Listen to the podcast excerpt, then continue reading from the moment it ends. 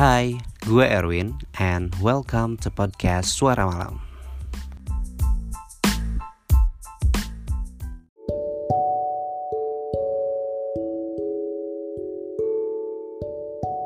Hai, apa kabar? Semoga di mana pun kalian berada selalu dalam keadaan baik, sehat, dan juga bahagia selalu ya. Hamin tiga lebaran nih lagi sibuk apa sih? Kalau misalkan di Twitter gue sih orang-orang lagi pada sibuk bertukar parcel. Eh bukan parcel kali ya. Kalau anak sekarang manggilnya itu hampers. Yes, hampers. Jadi tradisi sekarang itu orang-orang uh, lagi demen-demennya banget tukar-tukaran hampers gitu kan. Terus uh, mereka posting di sosial media. Terus ada juga yang lagi sibuk-sibuknya masak, bikin kue, bikin rendang dan teman-temannya itu. ada juga yang uh, masih sering bagi-bagiin quote-quote Islamia, bagus, good. Dan ada juga yang uh, giveaway banyak banget ya giveaway berselebaran entah itu giveaway uang giveaway makanan sampai uh, giveaway barang-barang gitu deh.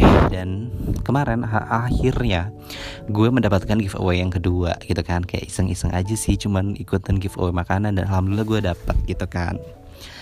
Oke, okay, di malam hari ini gue mau membahas tentang salah satu tema yang sedang hangat banget diperbincangkan yaitu tentang ada potongan apa ya potongan?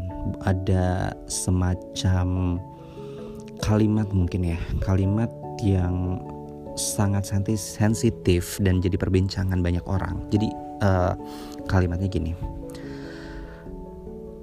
Ada empat poin hal yang idealnya dimiliki orang berusia 25 tahun yakni punya tabungan 100 juta, cicilan rumah 20% lagi, punya kendaraan pribadi, dan gaji minimal 8 juta.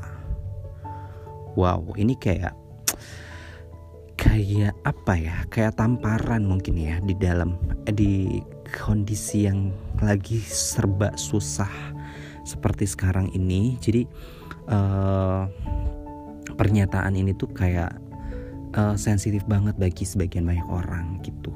Oke, okay, uh, eh, dan di sini gue mau membacakan beberapa komentar-komentar dari netizen. Jadi netizen itu di usia 25 tuh udah ngapain aja sih? Oke, okay, mungkin sebelum ke itu gue mau cerita sedikit dulu tentang gue. Kalau misalnya gue sendiri sih di usia 25 waktu itu, iya waktu itu udah lewat soalnya ya jadi kalau gue di usia 25 itu kalau tidak salah baru memulai kuliah, baru bisa kuliah gitu kan. Jadi ya gue tidak seberuntung kalian. Jadi gue uh, pada saat lulus SMA gue harus kerja dulu, harus ngumpulin uang sendiri dulu, baru bisa lanjutin kuliah gitu. Dan kalau nggak salah di di usia 25 itu ya gue baru masuk kuliah gitu kan. Dan adalah beberapa list-list uh, mimpi ah mimpi apa ya keinginan-keinginan yang sudah terchecklist gitu kan terus di usia 25 juga gue uh, sudah menjalin relationship yang ya cukup serius gitu sama seseorang meskipun akhirnya gagal. But it's okay namanya juga hidup. Terus di usia 25 juga gue udah mulai uh, melek finansial gitu kan. Uh, mulai ngerti yang namanya ngatur uang kayak gimana terus uh, gue ngerti tentang uh, investasi kayak saham kayak obligasi dan lain sebagainya. Terus gue kayak mulai main lah meskipun uh, receh-receh gitu. Terus tabungan aset juga ya lumayan meskipun nggak sebanyak banyak itu gitu tapi at least uh, ada lah gitu kan. Terus pendapatan juga ya dibilang gede ya nggak gede-gede amat. Terus dibilang kecil juga ya nggak kecil juga gitu kan. Ya cukup lah gitu. Oke mungkin gue mau bacain dari beberapa netizen di Twitter nih. Mereka usia 25 itu ngapain aja sih? Oke yang pertama ada Nurus Sakinah. Umur 25 bisnis gagal rugi ratusan juta diusir dari kosan karena nggak bisa bayar sewa kontrakan tiga bulan karena nggak punya uang buat bayar kontrakan. Insecure tiap hari mikirin gimana nyari duit buat bertahan hidup. Apa aja dikerjain? Dari jadi ghostwriter PR cabutan freelance sosmed. Wow berat ya bu hidupnya. Tapi nggak apa-apa sih namanya hidup itu kadang memang ada up and down terus yang namanya bisnis juga tidak semudah yang kita bayangkan gitu kan. Karena memang orang-orang yang sukses juga biasanya bermula dari kegagalan-kegagalan dulu. Mungkin buat Mbak Nurul Sakinah hmm, nggak hmm, apa-apa. Gagal sekarang hmm, kayak bersakit-sakit dulu gitu kan untuk bisa nantinya sukses uh, coba dievaluasi lagi kenapa bisnisnya bisa sampai gagal, apa yang salah, dievaluasi semuanya, terus mencoba bangkit perlahan gitu. Ya ya ya. Terus ada lagi uh, Ananai Bukan kegagalan sih, tapi penyesalan. Nikah umur 25, nyesal kecepetan. Harusnya nikah tuh umur 30 ke atas. Belum sempet nikmatin hidup, udah terikat sama urusan rumah tangga. Kalau ada yang suruh lo cepet-cepet nikah, nggak usah didengerin, tal nyesel kayak gue. Oke, okay. um, gimana ya? Kalau ngomongin tentang pernikahan juga merupakan salah satu hal yang sangat sensitif. Oh iya, apalagi sekarang kan mau lebaran nih. Biasanya banyak banget nih ya kan orang-orang yang nanya kapan nikah, kapan nikah, kapan nikah. Wah, udah capek banget gitu kan kita dengerinnya. Tentang pernikahan sih sebenarnya menurut gue gimana uh, cara kesiapan kita sih kayak nikah itu harus benar-benar dari hati kita gitu bukan semata-mata untuk menyenangkan orang lain karena memang uh, yang akan menjalani per proses pernikahan itu ya kita sendiri bukan orang lain gitu kan. Orang lain cuma sebatas penonton doang gitu. Jadi ketika lo belum siap-siap amat ketika lo belum niat lo tuh belum 100% uh, ya think twice gitu untuk untuk memutuskan pernikahan. Karena bagi gue pernikahan itu adalah sakral yang lo bener-bener harus uh, harus tanggung jawab atas keputusan lo itu gitu. Nggak bisa lo hanya nikah kayak main-main gitu kan. Jadi harus bener-bener dipikirin mateng-mateng gitu. Karena memang ya menyatukan dua apa namanya dua kepala itu sulit gitu kan. Kayak gue nih misalkan kayak pacaran aja kayak wah gimana sih strugglingnya gitu. Apalagi pernikahan. Jadi banyak hal-hal yang harus dipertimbangkan gitu Semangat terus buat Ananai. Selanjutnya ada Neko Ungu. Umur 25, satu cerai, dua terpaksa resign dari kantor yang atasannya kayak anjing, eh sore anjing, nggak punya tabungan dan duit di tangan saat itu cuma 200 ribu hidup mulai dari nol lagi, nyari kerja lagi, mulai ngekos di tempat yang bisa dibilang kumuh lagi supaya dapat harga yang murah, struggle di ibu kota sendirian. Lagi-lagi kan perceraian gitu, tapi nggak apa-apa sih. Maksudnya uh, gua nggak pernah memandang negatif orang yang bercerai. Maksudnya ya udahlah itu namanya pilihan hidup dan memang kalau misalkan kita tidak bisa bahagia dengan pasangan kita, kita tidak hubungan itu udah tidak bisa dipertahankan, ya cerai juga bukan suatu hal yang jelek gitu. It's okay.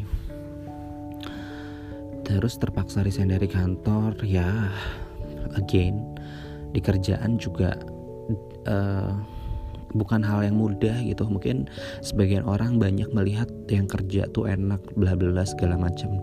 Sementara mereka nggak pernah tahu gitu nggak pernah lihat prosesnya tuh seperti apa gitu. Apakah kita bahagia apakah kita nyaman? Dan memang uh, kalau misalkan memang sudah tidak nyaman dan uh, sudah tidak sehat gitu ya resign is a solution juga gitu kan tapi kalau misalkan untuk di masa sekarang sih kalau menurut gue tahan-tahanin dulu deh gitu kan. Kalau misalkan masalah masalah masalah sepele masalah masalah masalah receh ya coba aja dulu tak tak ta, apa ya? Coba tahan deh. Karena memang nyari kerja di saat sekarang tuh lagi sulit banget gitu. At least kalau misalkan lo mau resign itu lo harus dapat dulu gitu penggantinya Oke selanjutnya ada Nur. Usia 25 alhamdulillah nggak ada yang astagfirullah banget Karena udah habis-habisan di usia 23 Skripsian sambil kerja pulang pergi 40 sampai 50 kilometeran sehari Sampai drop tipes plus TB 9 bulan. Di tengah-tengah itu bapak meninggal. Habis itu hidup sebagai anak pertama nggak akan pernah sama lagi Hidup seberjanda itu emang, tapi alhamdulillah masih kuat sampai sekarang. Makasih Intan, umur 23. I love you so much. lagi lagi lagi deh. Ya namanya hidup seseorang itu uh, jalannya tuh pasti beda-beda ya. Dan gue yakin bahwa hidup orang itu juga nggak semuanya lurus. Maksudnya nggak semuanya baik-baik aja gitu Orang yang selama ini kita lihat baik-baik saja pun belum tentu baik-baik saja. Karena ya itu tadi uh, namanya hidup tuh kadang kita ada di atas, kadang ada di bawah dan itu emang benar banget gitu. Nah seperti yang uh, apa Intan bilang tadi gitu kan. Uh, di usia 23 dia berdarah-darah dia mendapatkan banyak sekali masalah cobaan gitu kan dari Tuhan tapi di usia 25 dia sudah mulai bangkit dia sudah mulai memperbaiki kehidupannya gitu kan sudah mulai stabil. Ya itulah hidup gitu kan. Nggak yang apa namanya yang sedih nggak selamanya sedih gitu. Akan ada bahagia setelahnya. Oke selanjutnya nih ada ada Tinkerbell pengen ikutan komen tapi baru 21 tahun. Di usia 21 ini cerai. Lihat langsung anak gue usia dua setengah bulan ditinggalin bapaknya. Tahu kalau gaji 3 tahun dikorupsi sama bos sendiri. Kuliah belum lulus urusan harus segera selesai. Again perceraian. Semangat terus Tinkerbell selanjutnya eh sorry ya kalau misalnya gue agak ngos-ngosan. Selanjutnya ada Eldayan Umur 25 baru lulus S2 balik ke Indonesia nyari kerja 2 tahun gak dapat dapat kirain punya ijazah S2 luar negeri bakal mulusin karir. Enggak juga part time sana sini nyoba proyek ini itu meratapi nasib hunting kerjaan naik motor antar kota provinsi. Eh sorry. Hunting kerjaan naik motor antar kota antar provinsi kehujanan di jalan random banget. Ya seperti yang gue seperti yang gue bilang tadi bahwa memang uh, di masa sekarang itu nyari kerja sangat sulit.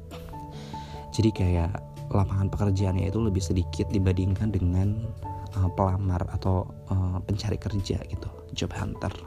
Jadi memang tidak stab tidak seimbang gitu. Jadi uh, susah memang. Jadi ijazah S2 pun tidak apa ya tidak menjamin lu bakalan dapat kerjaan dengan sangat mudah gitu. Ya semangat terus buat Eldayan semoga bisa segera dapat kerja. Selanjutnya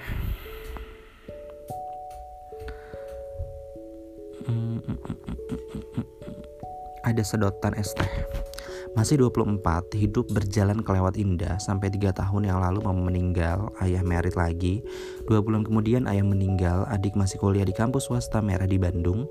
Belum sembuh betul, tapi sedikit lebih baik. Time heal in a good way, pelan-pelan berdamai sama keadaan. Ya, benar banget nih, gue setuju banget sama sedotan es teh bahwa memang kita tuh harus uh, bisa berdamai dengan kehidupan apa pun yang kita terima apa pun yang kita apa pun yang kita alami, takdir apa pun yang sudah ditakdirkan ke hidup kita, ya udah kita coba untuk berdamai, kita coba untuk uh, terima, kita coba untuk perbaiki pelan-pelan pasti bisa kok. Terusnya ada Ahmad Farhan Di umur 25 kegagalan terbesar gue adalah membiarkan mantan-mantan saya menikah sementara saya belum. Hahaha. How poor you are Ahmad Farhan? Ayo dong coba cari uh, apa ya kalau mantan udah nikah nggak usah iri biarin aja. Hmm, emang yakin mereka juga bahagia? Belum tentu kan? Oke, selanjutnya ada Dutch Marais.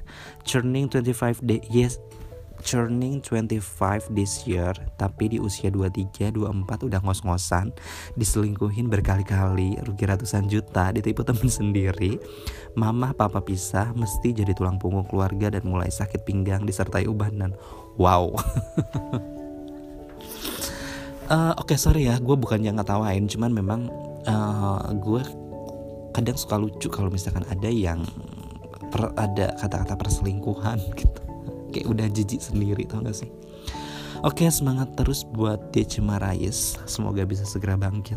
Hmm, Jangan lupa ubannya dicabutin. Selanjutnya ada Alerta Pernah gagal pas ada rekrutmen di company kece. Stepnya banyak banget sampai 6 bulan. Dari 500 orang dieliminasi jadi 250, 100, 19, 9 sampai tinggal 6. Last step posisinya cuma buat tiga orang. Gue rank 4, kesel banget moodnya pengen gaplok semua orang. Pelajarannya nggak ada, kesel aja. Hmm. Uh, apa ya? Semangat terus buat alerta uh, jangan pernah kecewa eh jangan pernah berhenti karena satu kegagalan. Uh, mungkin hari ini gagal mungkin uh, tahun depan bisa dicoba lagi dan bisa berhasil gitu. Coba deh dievaluasi kenapa bisa sampai gagal. Coba di doanya dikencengin lagi mungkin ada yang kurang atau mungkin sedekahnya. Kan bisa jadi ya dari faktor mana pun atau mungkin uh, masih apa ya mungkin Tuhan masih berkata belum sekarang tapi nanti gitu. Jadi semangat terus buat mencoba. Sama di umur 25 pernah gagal di last step BUMN dan CPNS ya lagi dan lagi mungkin emang belum saatnya sekarang. Mungkin nanti tahun depan atau tahun depannya lagi gitu. It's okay. Oke okay, mungkin itu aja yang bisa gue sharingkan kepada kalian semua again uh, kesimpulannya adalah uh, mau di usia berapapun pencapaian setiap orang itu beda-beda gitu. Ada yang di usia sekian udah menikah ada yang di usia sekian udah punya bisnis ada yang di usia sekian udah punya tabungan sekian ratus juta itu nggak apa-apa. Kita nggak bisa menyamaratakan uh, apa yang kita dapat itu dengan orang lain gitu. Karena memang gue selalu yakin bahwa setiap orang itu sudah membawa rezekinya masing-masing dan nggak akan pernah sama gitu. Hal itu bakalan ngebuat hidup kita tuh nggak nyaman kalau misalkan kita terus menerus membandingkan apa yang kita punya apa yang kita dapat uh, dan semua itu kita samakan dengan standarisasi karena memang nggak ada standarnya gitu. Kayak menikah aja nggak ada tuh yang usia sekian harus menikah usia sekian harus ini segala macam nggak ada. Jadi nggak ada standarisasinya. Jadi nggak usah takut nggak usah sedih nggak usah khawatir nggak usah galau nggak usah cemberut. Terus aja improve diri uh, perbaiki diri. Yang kurang-kurangnya dilihat terus uh, terus berusaha, terus berdoa, terus lakukan yang terbaik dan jangan lupa bahagia. Oke, terima kasih buat kalian yang sudah dengerin uh, podcast ini sampai habis. Uh, selamat menyambut Idul Fitri sebentar lagi. Bye, selamat malam, selamat istirahat.